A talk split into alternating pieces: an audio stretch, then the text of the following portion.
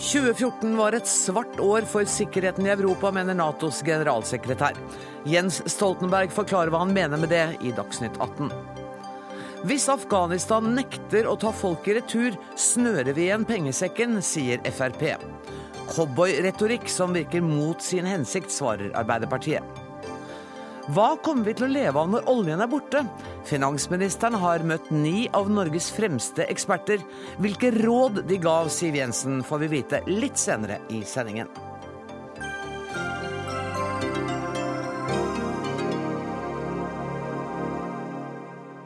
Fredagsutgaven av Dagsnytt 18, der vi også spør om vi forbrukere blir lurt når vi kjøper mat merket med navnet på en gård, og så faktisk tror at maten er produsert på den koselige gården. Det skal vi diskutere litt seinere i sendinga. Men aller først, Kate Hansen Bundt, eh, jeg har invitert deg for å kommentere det Jens Stoltenberg sier, men generalsekretæren er altså litt forsinket, så jeg må begynne med deg. Ehm, og det er en stor glede, for du kan først fortelle meg denne årsrapporten som han har presentert i dag. Hvor viktig er den? Jo, Den er jo viktig fordi den tegner et bilde av den sikkerhetspolitiske situasjonen i Europa akkurat nå. Slik og, Nato ser den. Sånn Nato ser den. Ja. Og det, eh, den forteller hva Nato har tenkt å gjøre med de truslene de ser. Og den forteller hva Nato gjør akkurat nå. Vet du hva? Nå så jeg bak ryggen din at generalsekretæren er i ferd med å Nå skal han sikkert hilse på noen, men så må han se å komme seg inn i studio her. Så okay. kom igjen. Eh. Stoltenberg, hjertelig velkommen. Takk. Du, Er det en av ulempene med å være generalsekretær at man alltid tror man har litt bedre tid enn man har? Det er en ulempe å være Jens Stoltenberg. Jeg er en grunnleggende tidsoptimist. Men jeg mener jeg rakk jo dette nå, gjorde jeg ikke det? Ja, Du gjorde ikke det, men det er ikke så farlig. Nei, det er hyggelig å komme Hjertelig velkommen. Ja. Eh, da Jeg begynte med Kate Hansen Bundt, eh, siden du ikke var her. Eh, men du har altså i dag sagt at 2014 var et mørkt år for sikkerheten i Europa. Her kommer det vann eller kaffe eller noe sånt også. Eh, og Samtidig har du sagt at Nato-landene er nødt til å gi mer penger, ta Nato mer på alvor. Er oppsummeringen din at det står dårlig til både med Europa og Nato for tiden? Nei, Jeg vil ikke si at det står dårlig til med eh, Nato, eh, og heller ikke med Europa. Men det jeg sier, det er at det har vært et svart år for europeisk sikkerhet. Fordi vi har sett at usikkerheten har kommet mye nærmere oss. Vi har sett i øst at eh, Russland har brutt militær makt for å endre landegrenser, for å annektere land. For første gang siden annen verdenskrig har det skjedd. Og vi ser at det er kamper, krig, i Øst-Ukraina. Det er nær oss. Eh, I sør så ser vi eh, ISIL, andre terrororganisasjoner gjennomfører barbariske handlinger. Eh, det er krig, kamphandlinger i Irak, eh, Syria, som grenser til Nato-landet Tyrkia.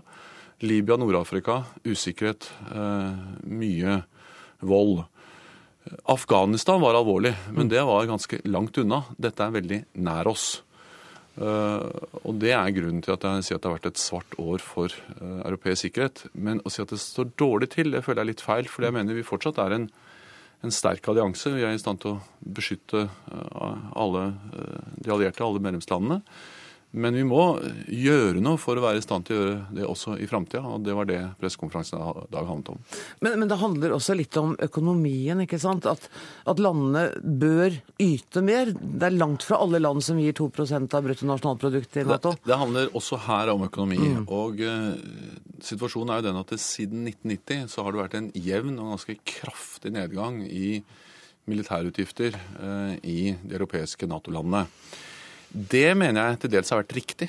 Fordi eh, etter den kalde krigen var det riktig å bygge ned militære styrker. Mm. Men så kom finanskrisen oppå det, og man fortsatte å kutte. Eh, og selv i 2014, eh, altså i fjor, så kuttet de europeiske Nato-landene 7 milliarder dollar, dvs. Si rundt 3% som er altså ytterligere nedgang etter mange års nedgang.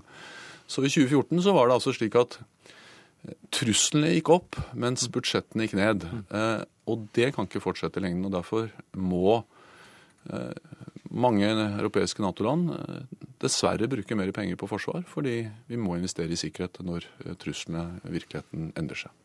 Kan vi snakke litt mer om Russland, for det, det oppleves som veldig nært for, for oss her i landet. Nato-alliansen oppretter seks nye kommandosentre i Polen, Litauen, Latvia, Estland, Romania og Bulgaria. Hvordan skal disse kommandosentrene fungere?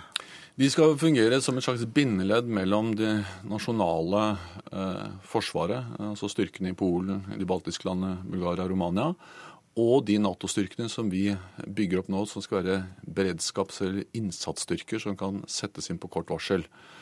De skal planlegge, de skal organisere øvelser, og de skal være bindeledd mellom da, nasjonale styrker og eh, multinasjonale og flernasjonale Nato-styrker. Og Hele poenget med dette er jo at vi skal kunne si til alle som måtte tenke tanken på å true, angripe et Nato-land, at det er ingen vits å prøve, for vi er i stand til å forsvare alle Nato-land mot alle trusler. Og da er det heller ingen som vil prøve. Så hele poenget med å ha et sterkt forsvar er jo nettopp å avskrekke og slippe å komme i en situasjon der du må bruke militærmakt.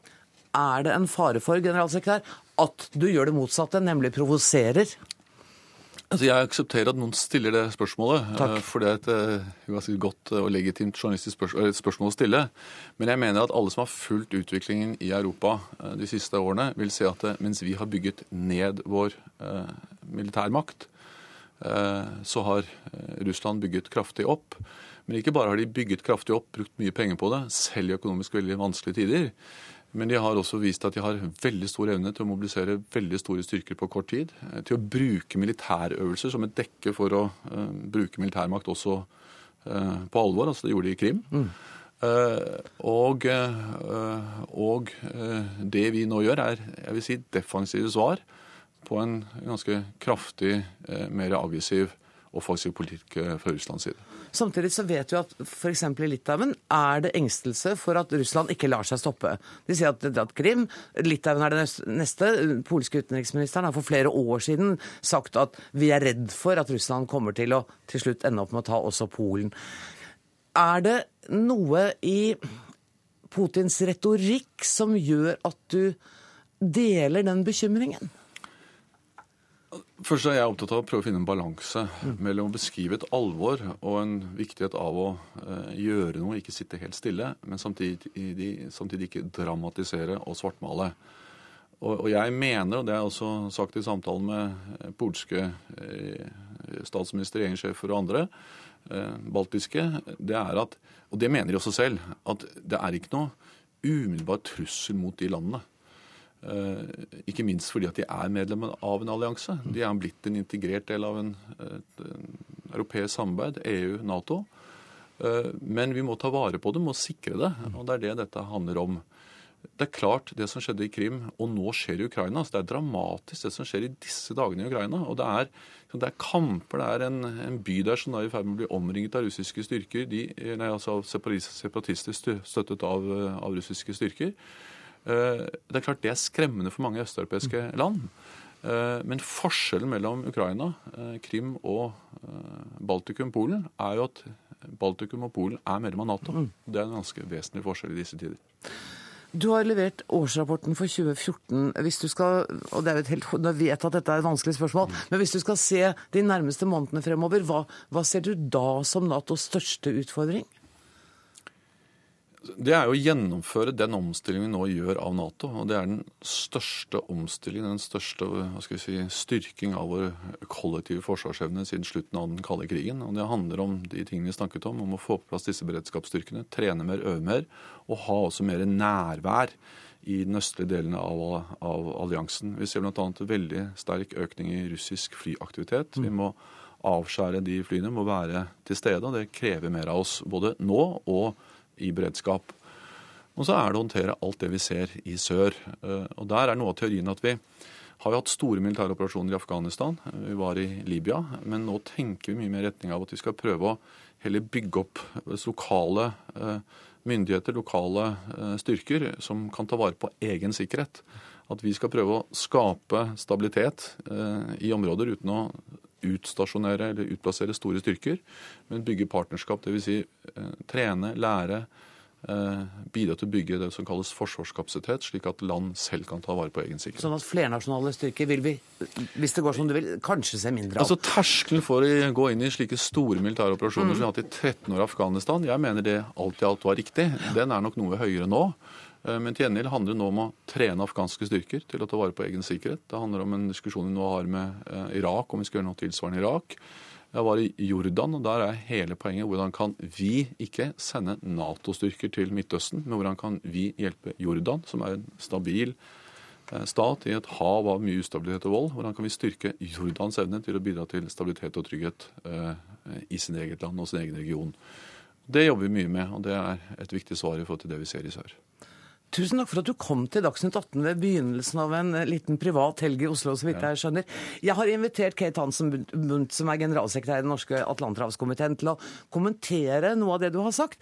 Eh, altså, Du er hjertelig velkommen til å sitte og høre på, men hvis du gjerne vil hjem til Det tar tre minutter. Jeg lover. Jeg sitter gjerne på. Da gjør du det. Okay. Kate Hansen Bundt, eh, de signalene som generalsekretæren her gir, er de i tråd med et mer moderne, kanskje mer effektivt Nato? Dette med å høyne grensen for flernasjonale, store militære aksjoner?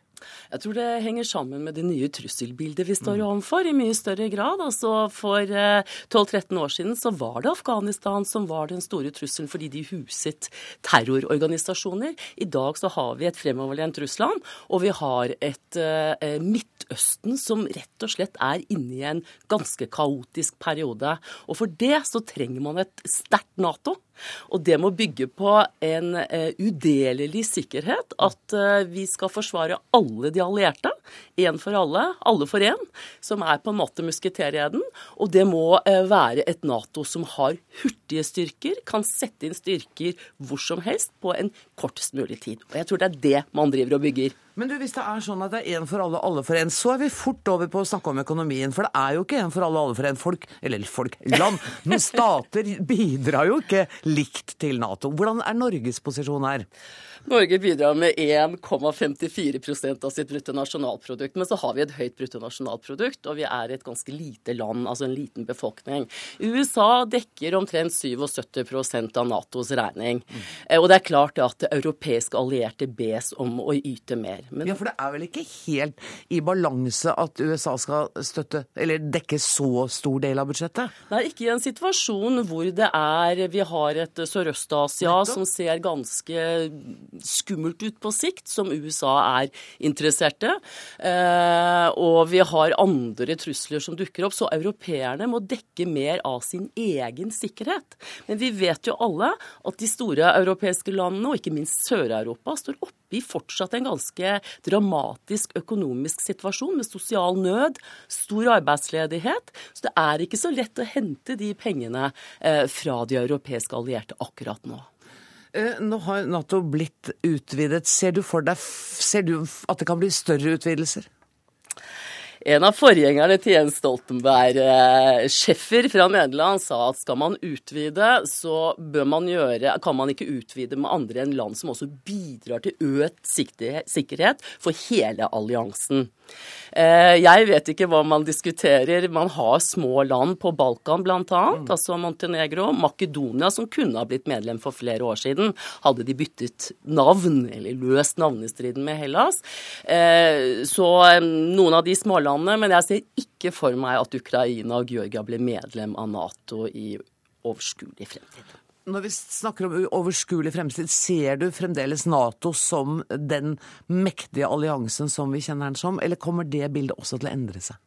Jeg tror Nato er mer enn bare en forsvarsallianse. Nato er et verdifellesskap, og det må vi ikke glemme. Som skal forsvare vår samfunnsform, demokrati, ytringsfrihet, staters eh, frihet til selv å velge hvilke allianse de skal være medlem av. Det ville jo ikke vært riktig om Polen, de tre baltiske landene, måtte ha reist til Moskva og spurt om de kunne få blitt medlem av Nato på 90-tallet. Det er faktisk sånn at man står opp for en selvstendighet innenfor det internasjonale eh, samfunnet. Og det tror jeg er viktig å huske på.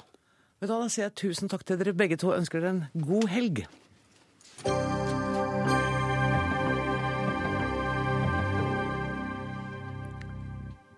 Afghanistan har protestert mot økningen i tvangsreturer fra Norge, og har bedt norske myndigheter om å stanse all retur som ikke er frivillige. Nå kan iveren etter å sende hjem afghanske asylbarn slå tilbake på Fremskrittspartiet, mener Arbeiderpartiet. Mens Fremskrittspartiet på sin side mener at Norge må sette hardt mot hardt, og truer nå med å kutte i den norske pengestøtten til eh, landet. Mazyar Keshvari, du er innvandringspolitisk talsmann for Fremskrittspartiet. Hvorfor mener du at Norge må sette hardt mot hardt i denne uoverensstemmelsen? Fordi at Vi får jo ikke noen ordentlig begrunnelse fra Afghanistan. og Dette er et problemstilling som for øvrig ikke gjelder Afghanistan, men mange land vi returnerer til. Og det har vært en problemstilling som har vært kjent i mange år, eh, som eh, bl.a. tidligere eh, statssekretær i Justisdepartementet Pål Lønseth sier i dag i Klassekampen. Og Grunnen til det er at det er jo ingen lover, regler eller logisk grunn til at et land skal nekte å ta imot sine egne borgere, og at de borgerne skal utgjøre en kostnad for andre land. Eh, det kan jo ikke være sånn at hvis de som ikke ønsker å reise hjem frivillig, eh, ikke kan returneres, for da er det jo bare å komme fra alle land som har den tilnærmingen, og så blir vi da sittende igjen med borgerne. Det viktigste prinsippet i asylinstituttet og flyktningkonvensjonen og alle ting er å ta vare på de som er reelt forfulgte og har beskyttelsesbehov. Ja, sånn at, Men i dag ble det offentliggjort en ny instruks som sier at det blir, skal bli vanskeligere å tilbakeføre f.eks. afghanere til områder av landet som de ikke kom fra. Altså Hvis det er for mye konflikter i det området hvor disse menneskene kom fra, så kan man ikke bare sende dem til et annet område i Afghanistan, for da er de interne flyktninger. Det gjelder internflukt, det er helt eh, riktig. Det, men det er jo ikke sånn at man rokker ved det grunnleggende i asylinstituttet og systemet for det. Den nye instruksen innebærer ikke på noen som helst måte at man ikke kan returnere tilbake barnefamilier til Afghanistan. Og per 16.1.2015 så var det ingen som var returnert tilbake til Afghanistan pga. internflukt, eller som ville omfattes av dette. Men nå har altså afghanske myndigheter i et brev til eh, norske myndigheter via ambassaden i Kabul i november i fjor sagt at de er bekymret over denne tvangsutsendelsen. Og du sier at da vil dere svare med å knytte igjen pengesekken? Ja, altså Når vi snakker om eh, pengesekken, så er det viktig å understreke det er ikke nødhjelp som alle går løs på med en gang det er snakk om eh, bistandsmidler eller penger til andre land. Vi bidrar, eh, dvs. Si norske skattebetalere, bidrar med milliarder på milliarder av kroner til demokratiutvikling, samfunnsbygging, institusjonsbygging. Og hvis et land ikke engang er ikke engang er i stand til å ta imot sine egne borgere, som er en selvfølge. Altså bare Tenk dere hvis eh, Norge hadde nektet å ta imot sine egne borgere. Hva slags utvikling er det vi egentlig finansierer i disse landene? Stine Renate Håheim, stortingsrepresentant for Arbeiderpartiet. Det kan vel du svare på, da? Ja. Altså bare For å ha med seg noe av bakteppet her, så uh, har jo Justisdepartementet og regjeringa eh, returnert barnefamilier, til tross for at UDI i sommer i fjor advarte mot at dette muligens ikke kunne være trygt. Så at de har gjort det uh, til tross uh, for faglige anbefalinger fra sine egne underliggende etater, noe vi syns er veldig underlig. Så har man fortsatt denne politikken, og så har afghanske myndigheter reagert. Og jeg opplever jo at de spiller et ganske høyt spill med noe som er et veldig viktig virkemiddel i asylpolitikken, nemlig returavtalene. Eh, og jeg er for så vidt enig med, med, med Keshvari om at det er et mål at Afghanistan skal ta imot sine egne borgere. Men skal vi komme dit, så må vi ha returavtalen. Da må Fremskrittspartiet slutte å spille et spill med den returavtalen. Og nummer to skal Afghanistan settes i stand til å ta imot sine egne borgere og utvikle et trygt, stabilt demokrati i Afghanistan, så er det helt feil vei å gå å kutte all bistand til det landet. Men hvilken vei skal man gå da for å få Afghanistan til å ta imot sitt eget folk? Nei, jeg vil jo si at Justisdepartementet her har en litt mer konstruktiv holdning enn det Keshvari har. Dette er jo nok et eksempel på at Fremskrittspartiet dobbeltkommunisere ganske kraftig. For i dag har Justisdepartementet sendt ut en ny instruks, mm -hmm. som jeg oppfatter at de nå jeg, Var det ikke den jeg prøvde å referere til? Jo, det var det. Det var veldig bra. Eh, hvor, hvor, jeg tolker det sånn at nå lytter man endelig til sine egne faglige råd. Det har tatt åtte måneder, det er for så vidt kritikkverdig, men her føler, mener jeg at Justisdepartementet legger an til en mye mer diplomatisk og konstruktiv eh, tilnærming enn det Keshvari eh, gir uttrykk for i Klassekampen i dag tidlig. Så det er litt utfordrende å diskutere med Fremskrittspartiet, for de snakker med veldig mange forskjellige tunger om dagen. Fremskrittspartiet har nøyaktig den samme tilnærminga i storting som vi har i Justisdepartementet. Den nye instruksen går på de som er internt forfulgte, eh, barnefamilier. Og som sagt, per 16.1 eh, i år så var det ingen som var returnert som ville omfattes av den nye instruksen i det hele tatt. Men du kan det, bare spørre om noe. For i det brevet, eh, som jeg da bare har sett sitert i avisene, eh, så står det fra afghanske myndigheters side at det er eh, ikke trygt å tilbakeføre en del av disse som blir tvangsreturnert. Er ikke det et moment å ta med seg? Trygghetsmomentet er selvfølgelig et moment å skulle ta med seg. Men det som går på returavtaler, har jo ikke bare dreid seg om det. Det, har, det, er derfor jeg sier at vi er nødt til å utfordre ikke bare Afghanistan, men også andre land som har tak på enten det er 7 eller 15 eller hvor mange man kan returnere i uka tilbake til det landet. Fordi konsekvensene er at mennesker som har søkt om beskyttelse, og man har kommet fram til at de ikke har behov for beskyttelse i Norge. Hvis vi skal være veldig sene med å sende de ut, eh, så vil det jo komme et tilleggspoeng etter en stund. For da har de plutselig vært i Norge i to år, i tre år, før de er returnert tilbake. Og Da kommer dette argumentet med at ja, men nå har de enten fått barn, eller så har de hatt barn, og da må de få bli. Og På den måten så er man med på å fjerne all respekten og legitimiteten til asylinstituttet. Det bør være en selvfølge at alle land tar imot sine egne borgere, og da må man være villig til å også kjempe for det. Man er nødt til å spørre de myndighetene som ikke gjør det, hvorfor gjør dere ikke det, istedenfor å bare legge seg flat som Arbeiderpartiets representant her ønsker, og si at vi må respektere den avtalen så mye at vi må godta alt Afghanistan sier. Vi må ta dette litt toleddet, Stine Renato HM. For det første så går ut fra at du er enig med Keshvari om at det er ønskelig at de som ikke har krav på asyl, blir returnert så tidlig som mulig. Så fremt det er trygt å returnere de, så er jeg enig i det. Og så til dette andre poenget hans med å legge seg paddeflat for returavtaler. Nei, altså Den forrige regjeringa, den rød-grønne regjeringa, eh, gjorde en kraftfull innsats for, å, for returarbeidet. Vi fikk på plass eh, altså når vi tiltrådte, tror jeg det var to returavtaler. Nå er det nesten 30. De fleste av de inngått under rød-grønn regjering. Så returavtale er et viktig virkemiddel for å kunne returnere de som ikke har krav på beskyttelse, og som det er trygt å returnere. Men det jeg nå opplever, er jo at Frp spiller et ganske høyt politisk spill, eh, hvor man opplever at denne returavtalen nå er satt i spill fordi Frp har trossa eh, faglige råd fra UDI. Eh, men også eh, altså, Det er jo bekymringsverdig, tenker jeg, når Bergens Tidende ser ut til å ha mer informasjon om dialogen med afghanske myndigheter enn det politisk ledelse i Justisdepartementet har. Men det jeg kunne tenke meg å utfordre Keshvari på, er er det regjeringens politikk å stoppe bistand dersom Afghanistan ymter frampå om at de vil reforhandle den returavtalen? Eller snakker du på vegne av deg selv? Fordi det, ser ikke ut som Det er helt klart regjeringens politikk, og det står i plattformen at vi skal bruke bilaterale eh, virkemidler til også på dette området å få til flere returavtaler og bedre returavtaler. Så da vil jeg bare henstille deg til å lese de avtalene.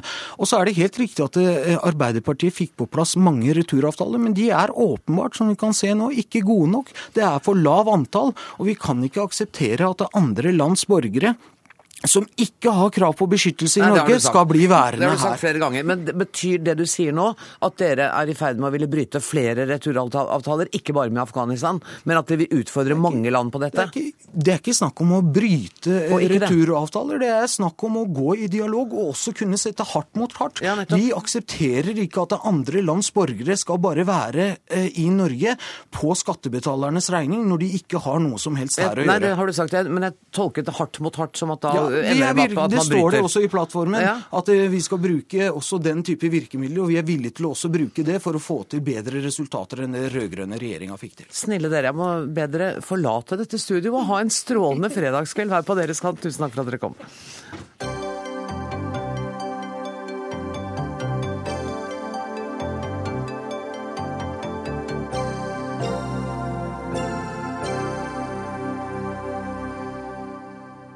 Det er bare to uker siden Erna Solberg og Siv Jensen møtte sentralbanksjefen til et såkalt økonomisk toppmøte i lys av oljenedturen. I dag har finansministeren søkt råd hos ikke mindre enn ni økonomieksperter på sitt kontor for å finne ut hva som skjer når Norge ikke lenger kan stole på enorme olje- og gassinntekter. Jon Gunnar Pedersen, statssekretær i Finansdepartementet fra Høyre.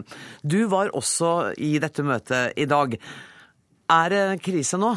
Nei, det er det ikke. Og det sa økonomene ganske tydelig at det var det ikke. Blir det det snart? Nei, det ser det heller ikke ut til å bli.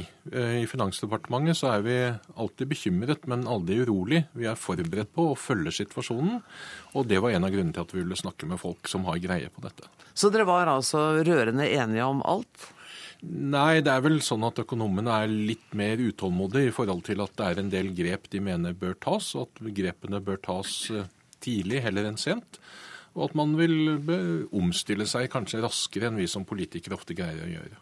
Det, kan du nevne noen tiltak som økonomene vente litt med utålmodighet på? Nei, de, de, ønsker jo, mange av dem, at den skattereformen som vi jobber med, at den må gjennomføres raskt og effektivt. Vi må samtidig skape flertall for den. Det er slik at mange av de reformene vi gjennomfører, er det jo en del strid om. Det, det vekker uro og bekymring, det å forandre ting. Mm. Men eh, vi ser at vi er nødt til å gjøre det. Vi vil ha flere politifolk, men kanskje færre politidistrikter. Flere lærere, men kanskje flere, færre skoleadministrasjoner. Flere sykepleiere, men da må vi kanskje ha færre kemnere for å få det til. Mm, og kanskje færre sykehus?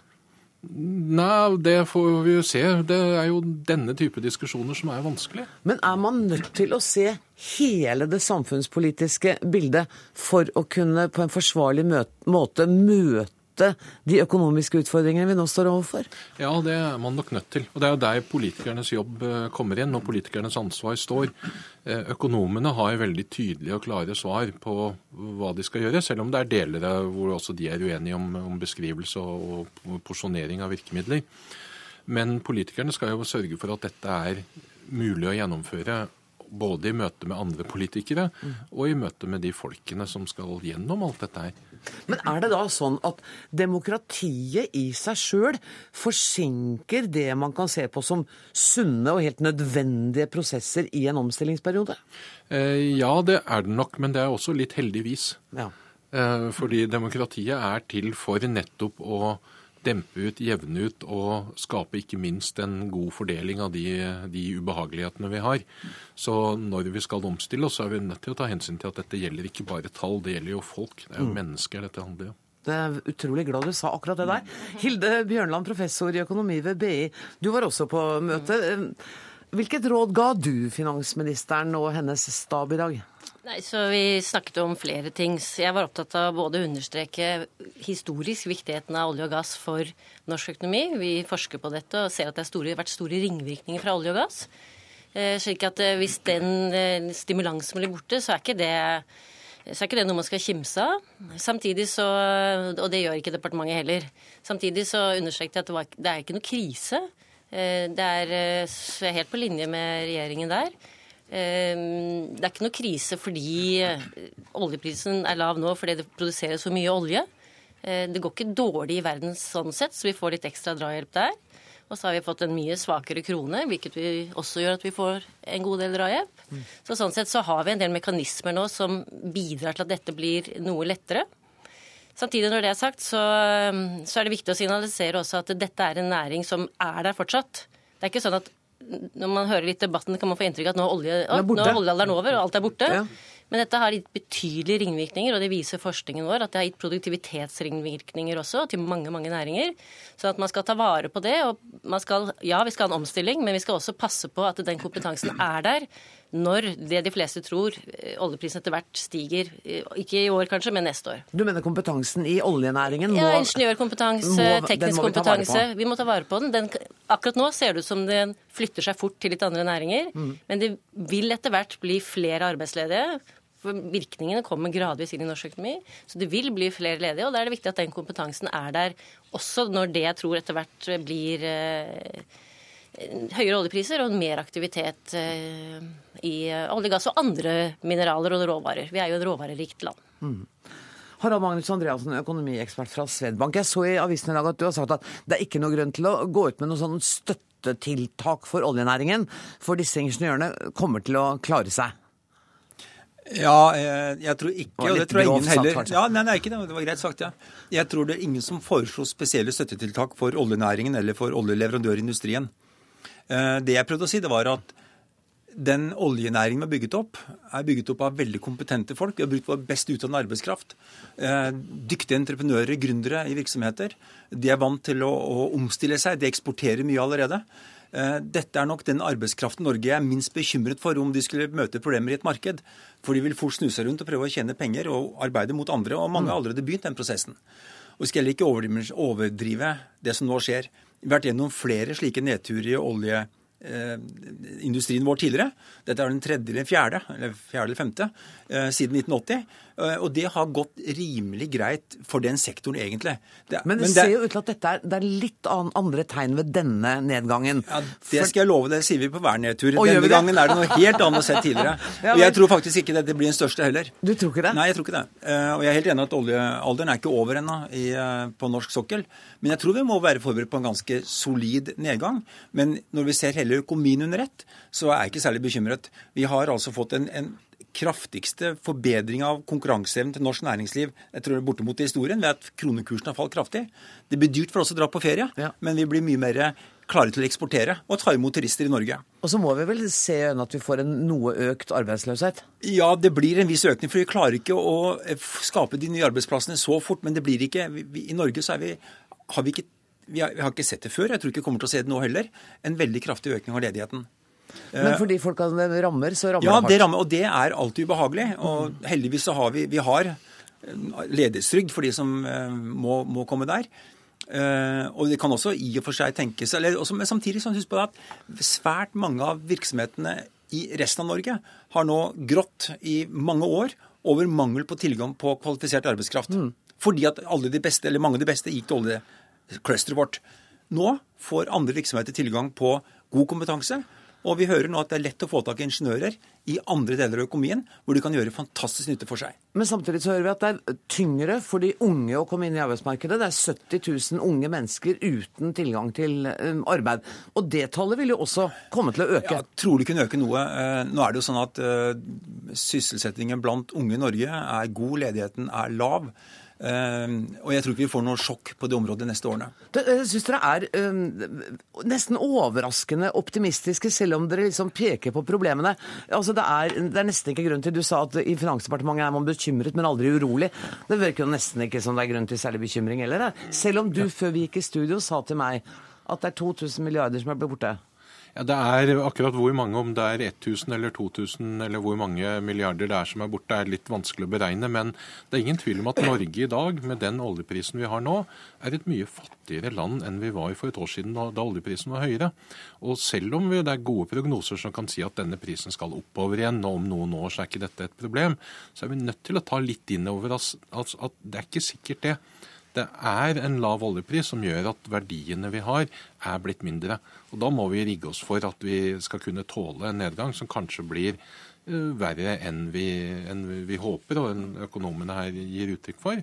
Og det er som sagt, Dette er ordentlige folk som berøres. Det er ekte mennesker som må foreta denne omstillingen. Det er ikke bare ingeniører. Nei, Så når du mener at vi må ta inn over oss, så mener du ikke bare vi i Finansdepartementet, men du mener vi ja, det, det, det, var et, det var et veldig tydelig råd fra dem at vi må ikke nå gjøre ting som hindrer en naturlig omstilling. Mm. Men samtidig som oljeindustrien kommer til å fortsette å være der og være viktig i mange tiår, så har vi bygd opp i 40 år en, en, økonomi der oljeindustrien har blitt viktigere og viktigere i økonomien hvert eneste år. Mm. Og der er vi antagelig over toppunktet. Nå er det andre deler av økonomien som skal bli viktigere og viktigere hvert år. Og det er dit kapital og arbeidskraft skal flyttes, og de nye hodene skal inn i andre næringer. Og det kommer til å ta tid, ikke sant, Hille Bjørnstad? Ja, det kommer til å ta tid, men jeg tror at en av grunnene til at vi er sånn betinget optimister her, er jo fordi at vi tror oljeprisen skal opp. Hvis men hvis den ikke gjør det, da? Nei, nettopp. Hvis vi trodde at den skulle ligge på 40 dollar fatet, ja. så hadde vi, da hadde vi hatt en litt annen dialog her. For dette, Nå er det jo fortsatt etterspørsel etter olje, så vi tror jo at når vi får mindre produksjon, så vil prisen gå opp. Så det er, det er anslag som virker rimelige. Men hvis oljeprisen hadde blitt værende lav lenge, så ville vi jo ikke Da ville vi fått en mye kraftigere nedbygging nå i norsk økonomi. Vi ville fått mye større omstilling, og vi burde tenkt mye eh, vi burde tenkt litt annerledes rundt hvordan vi, denne omstillingen skulle være. Men fordi vi tror at oljeprisen etter hvert vil gå opp, så er man mer optimist. Da er jeg nødt til å avslutte med å si at jeg håper dere tror riktig. Veldig håper jeg det. Tusen takk skal dere ha, Jon Gunnar Pedersen, Hilde Bjørnland og Harald Magnus Andreassen.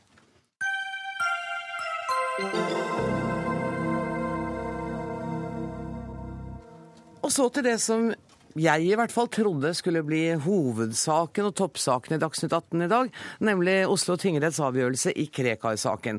Og så er hele avgjørelsen utsatt til mandag. Retten skulle altså ta stilling til politiets avgjørelse om å tvangsbosette mulla Krekar i Kyrksæterøra i Sør-Trøndelag. Det var ventet at kjennelsen skulle bli offentliggjort klokka halv fire i ettermiddag, men er nå altså utsatt. Harald Stanghelle, politisk kommentator i Aftenposten, hvorfor tar det så lang tid? De var i retten på tirsdag.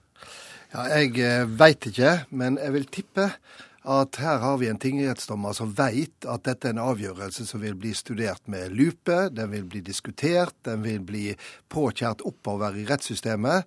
Og derfor så er nok eh, tingrettsdommeren usedvanlig nøye med hvordan han formulerer det, og hvordan han grunngjev det resultatet som han nå åpenbart har bestemt seg for, men som han jobber med begrunnelsen for. For den skal være plettfri, eller det var et dårlig ord, men det skal i hvert fall være ikke til å kritisere. Men du, hva er den For uansett så blir denne saken anka? Det blir den, og det kommer et resultat klokka ti på mandag. Eh, og det resultatet, det eneste vi vet 100% sikkert om det, det er at eh, det går videre til lagmannsretten. Og hva er prosessen da? Hvor lang tid tar det? Ja, Det kan ta eh, noen dager. Spørs hvor eh, ivrig lagmannsretten er til å få ei avgjørelse. Eh, dette var jo rettsmøte på tirsdag i tingretten. Nå får vi en avgjørelse mandagen etterpå. Jeg syns ikke det er spesielt lang tid. Nei. Vi må huske på at Det er bare vi journalister som er litt utålmodige, ikke sant? Altså, Vi skulle jo gjerne hatt dette på tirsdag, på tirsdag men, men, men, heldigvis er det ikke sånn at rettsvesenet er bygd opp etter våre behov i, i, i, våre raske medier. og og vi må huske på at dette har aldri vært prøvd før. Dette er en helt ny ordning, eh, og det er første gangen at dette blir prøvd eh, på en person, altså mulla Krekar. Og det er første gangen dette blir prøvd rettslig. Og Det betyr at det som skjer nå, det skaper det vi kaller for presedens. Altså det skaper føringer på hvordan eh, denne forordninga skal tolkes, hva for krav det skal være, hvor inngripende det kan brukes. Og Derfor så er det som skjer nå på eh, tingrettsdommer Svartebergs kontor, veldig, veldig viktig. Men, det, og, men selv om den, ja, så kommer den til lagmannsretten, og så kommer den til å bli anket derfra også? Regner med det. Ja, Så dette kan ta litt tid. Er det sannsynlig at mulla Krekar i mellomtiden vil bli sendt til Kyrksæter og dra? Nei, det blir ren gjetning. Ja. Men jeg vil nok tro at eh, politiet ønsker det, mens eh, hans eh, forsvarer Brynjar Meling vil jo hevde at mens dette foregår her i Oslo, så kan en, en vente. Og logisk sett så utgjør jo ikke mulla Krekar noe sånn akutt fare for rikets sikkerhet ifra en, den ene veka til den andre. Det er jo mer som langsiktig inspirator, ved å være til stede i et miljø som er radikalisert, ved å være en som kan oppsøkes av, eh, av eh, ekstremister på ville veier. Det er jo det på en måte som er lansert som faremomentet ved han, ikke at eh, han personlig setter i verk eh, den ene eller andre aksjonen. Og så har det vært mye diskusjon om hvorvidt justisministeren utilbørlig har prøvd å instruere en uavhengig myndighet. Er det noe som vil bli drøftet i denne kjennelsen fra tingretten? Nei, det tviler jeg på. Eh, men heller ikke tingrettsdommere lever i et samfunnsmessig vakuum. Og det er klart at tingrettsdommeren får med seg den diskusjonen som har vært, det politiske bakteppet, de problemene som en justisminister fra Fremskrittspartiet var nødt nødt til å få i, i ei sak som eh, dette. Så det ligger der som et bakteppe, men jeg vil bli veldig overraska hvis det er et selvstendig poeng som blir drøfta i kjennelsen vi får på mandag. Mandag har vi svaret, da kan vi snakke mer om dette. Har vi en avtale om å møtes her på mandag? Ja, Det er vel ikke til å unngå. Tusen takk for at du kom, Harald Stanghelle.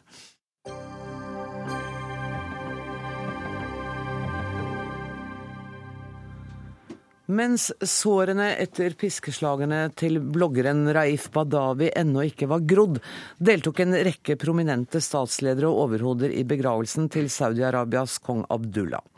Blant gjestene som viste kongen sin den siste respekt, var USAs president Obama, med utenriksminister John Kerry, den britiske statsminister David Cameron og Frankrikes president Francois Hollande. Og Norge sendte kronprins Haakon. USA-korrespondent Gro Holm, hvordan har Obama begrunnet at USA stilte mannsterke i begravelsen? Ja, Det var pressetalsmannen i Det hvite hus, Josh, Ernest, som fikk eh, oppgaven med å begrunne deltakelsen. Og Han sa at Obama ønsket å vise sin aktelse overfor kong Salman og overfor resten av familien til avdøde kong Abdullah.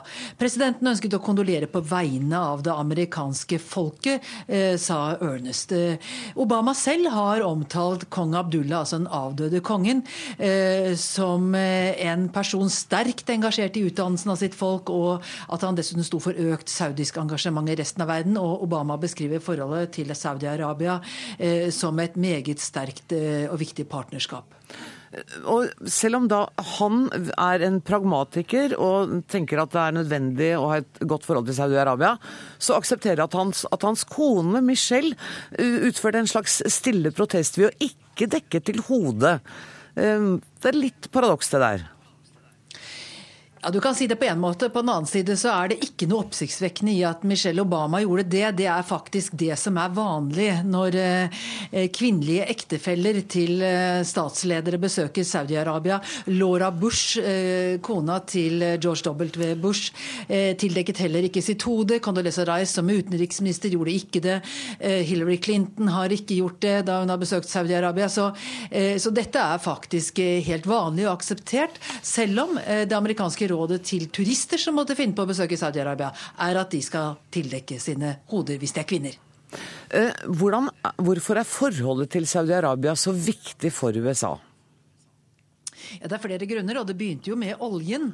Eh, hvor eh, USA var helt avhengig av eh, olje fra Midtøsten, og da særlig fra verdens største oljeprodusent eh, Saudi-Arabia. Nå er det mindre viktig, fordi USA er i ferd med å bli uavhengig av import av olje. Produserer egen olje fra, fra skifer og, og, får fra tjæresand også. Så eh, kommer da det strategiske aspektet.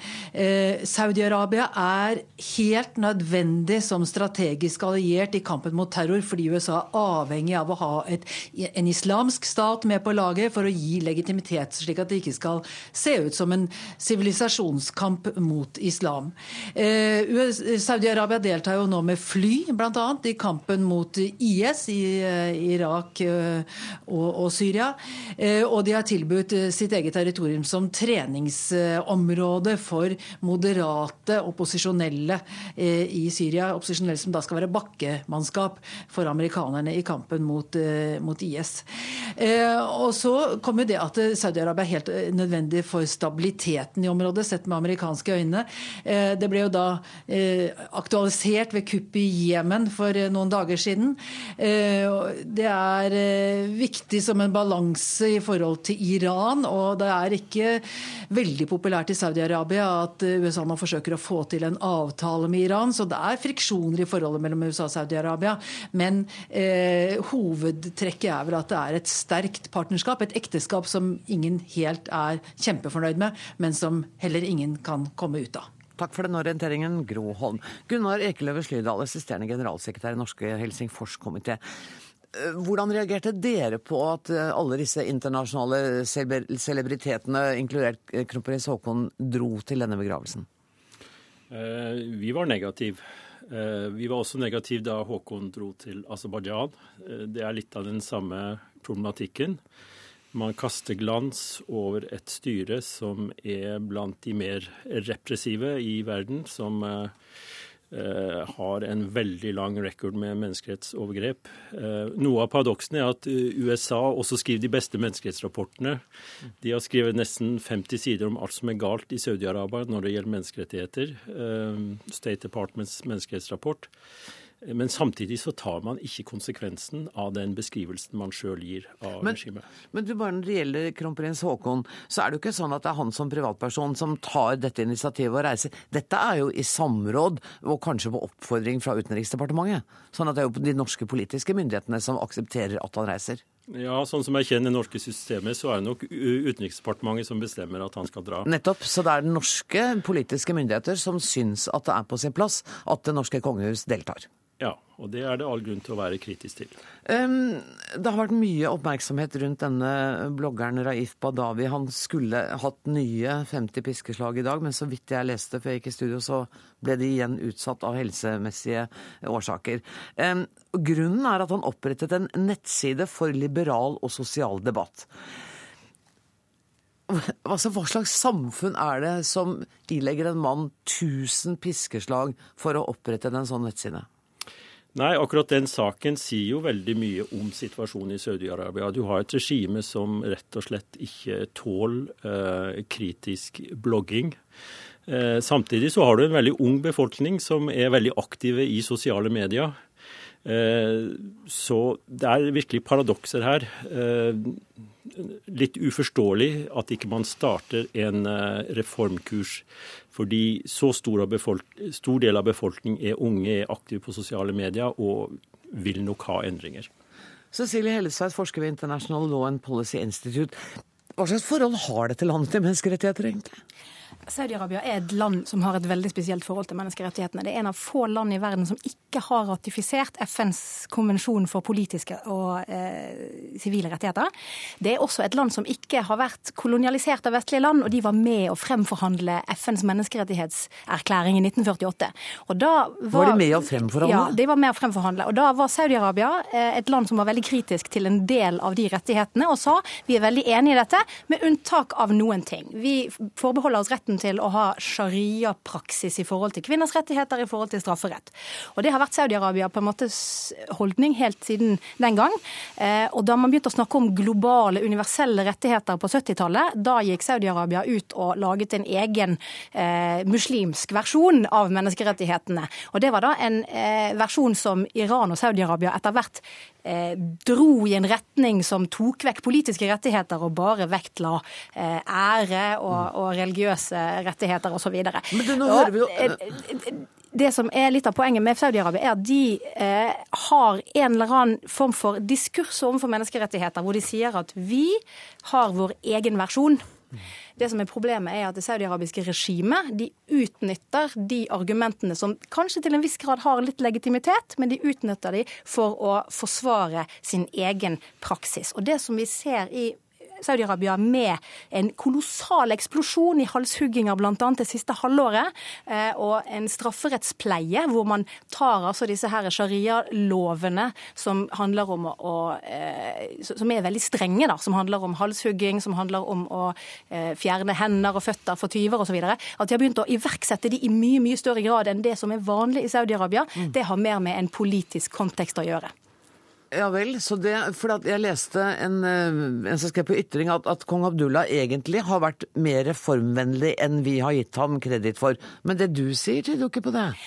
Kong Abdullah som nå døde, ja. han var en av de store reformvennlige kongene i Saudi-Arabia. Okay. Men han har også vært avhengig av å ha med seg resten av kongefamilien og å ha med seg presteskapet. Men du forklarer meg, Hvordan kan du være reformvennlig, og så er det en eksplosjon i tallet på halshogginger, avkuttede hender og piskeslag? Det er fordi at Saudi-Arabia har et eh, strafferettssystem nå som ligner veldig på det vi ser at IS har innført le lenger nord. IS, eh, ISIL i Irak og Syria, de beveger seg sørover. Eh, og de er jo også der i grenseområdene ned mot Saudi-Arabia. De har en strafferettspleie som ligner veldig på det saudiarabiske. Men eh, og Saudi-Arabia har et behov for å legitimere seg selv som en skal vi si, hyperislamsk eh, land i møte med IS, som forsøker nettopp å ta fra Saudi-Arabia den legitimiteten. Så her er det også en veldig pervers konkurranse, nær sagt, mm. mellom Saudi-Arabia og IS om å på en måte fri til en del av befolkningen som ønsker å leve i muslimske samfunn. Gunnar Ekeløve Slydal, det høres ut som dere har mange uløste saker når det gjelder dette. Hvordan arbeider man i forhold til et land som Saudi-Arabia? Eh, ja, Det er jo ikke enkelt. De store internasjonale menneskerettsorganisasjonene har ofte ikke kommet inn i landet, eh, så man må eh, jobbe i eksil. Og så må man forsøke å legge press på USA og EU sånn at de strammer opp sin politikk. Eh, det er jo forsmedelig at Obama drar til Riyadh uten å snakke om menneskerettigheter. Mm. Selv om da kona ikke dekker håret, så Han syns ikke det var et passende tidspunkt. Er, sant, det er jo den klassiske eh, dilemmaet mellom det pragmatiske og det prinsipielle, og han valgte er det pragmatiske. Ja, men på lang sikt så tror jeg det er god realpolitikk også å begynne å snakke om menneskerettigheter med Saudi-Arabia. Tror jeg du har så rett i, vet du hva. Altså, Tida går så fort. Jeg må dessverre si tusen takk til dere. Men vi har jo bidratt litt med å snakke om det i hvert fall i dag, da. Tusen takk Gunnar Ekeløve Slydal og Cecilie Hellestveit.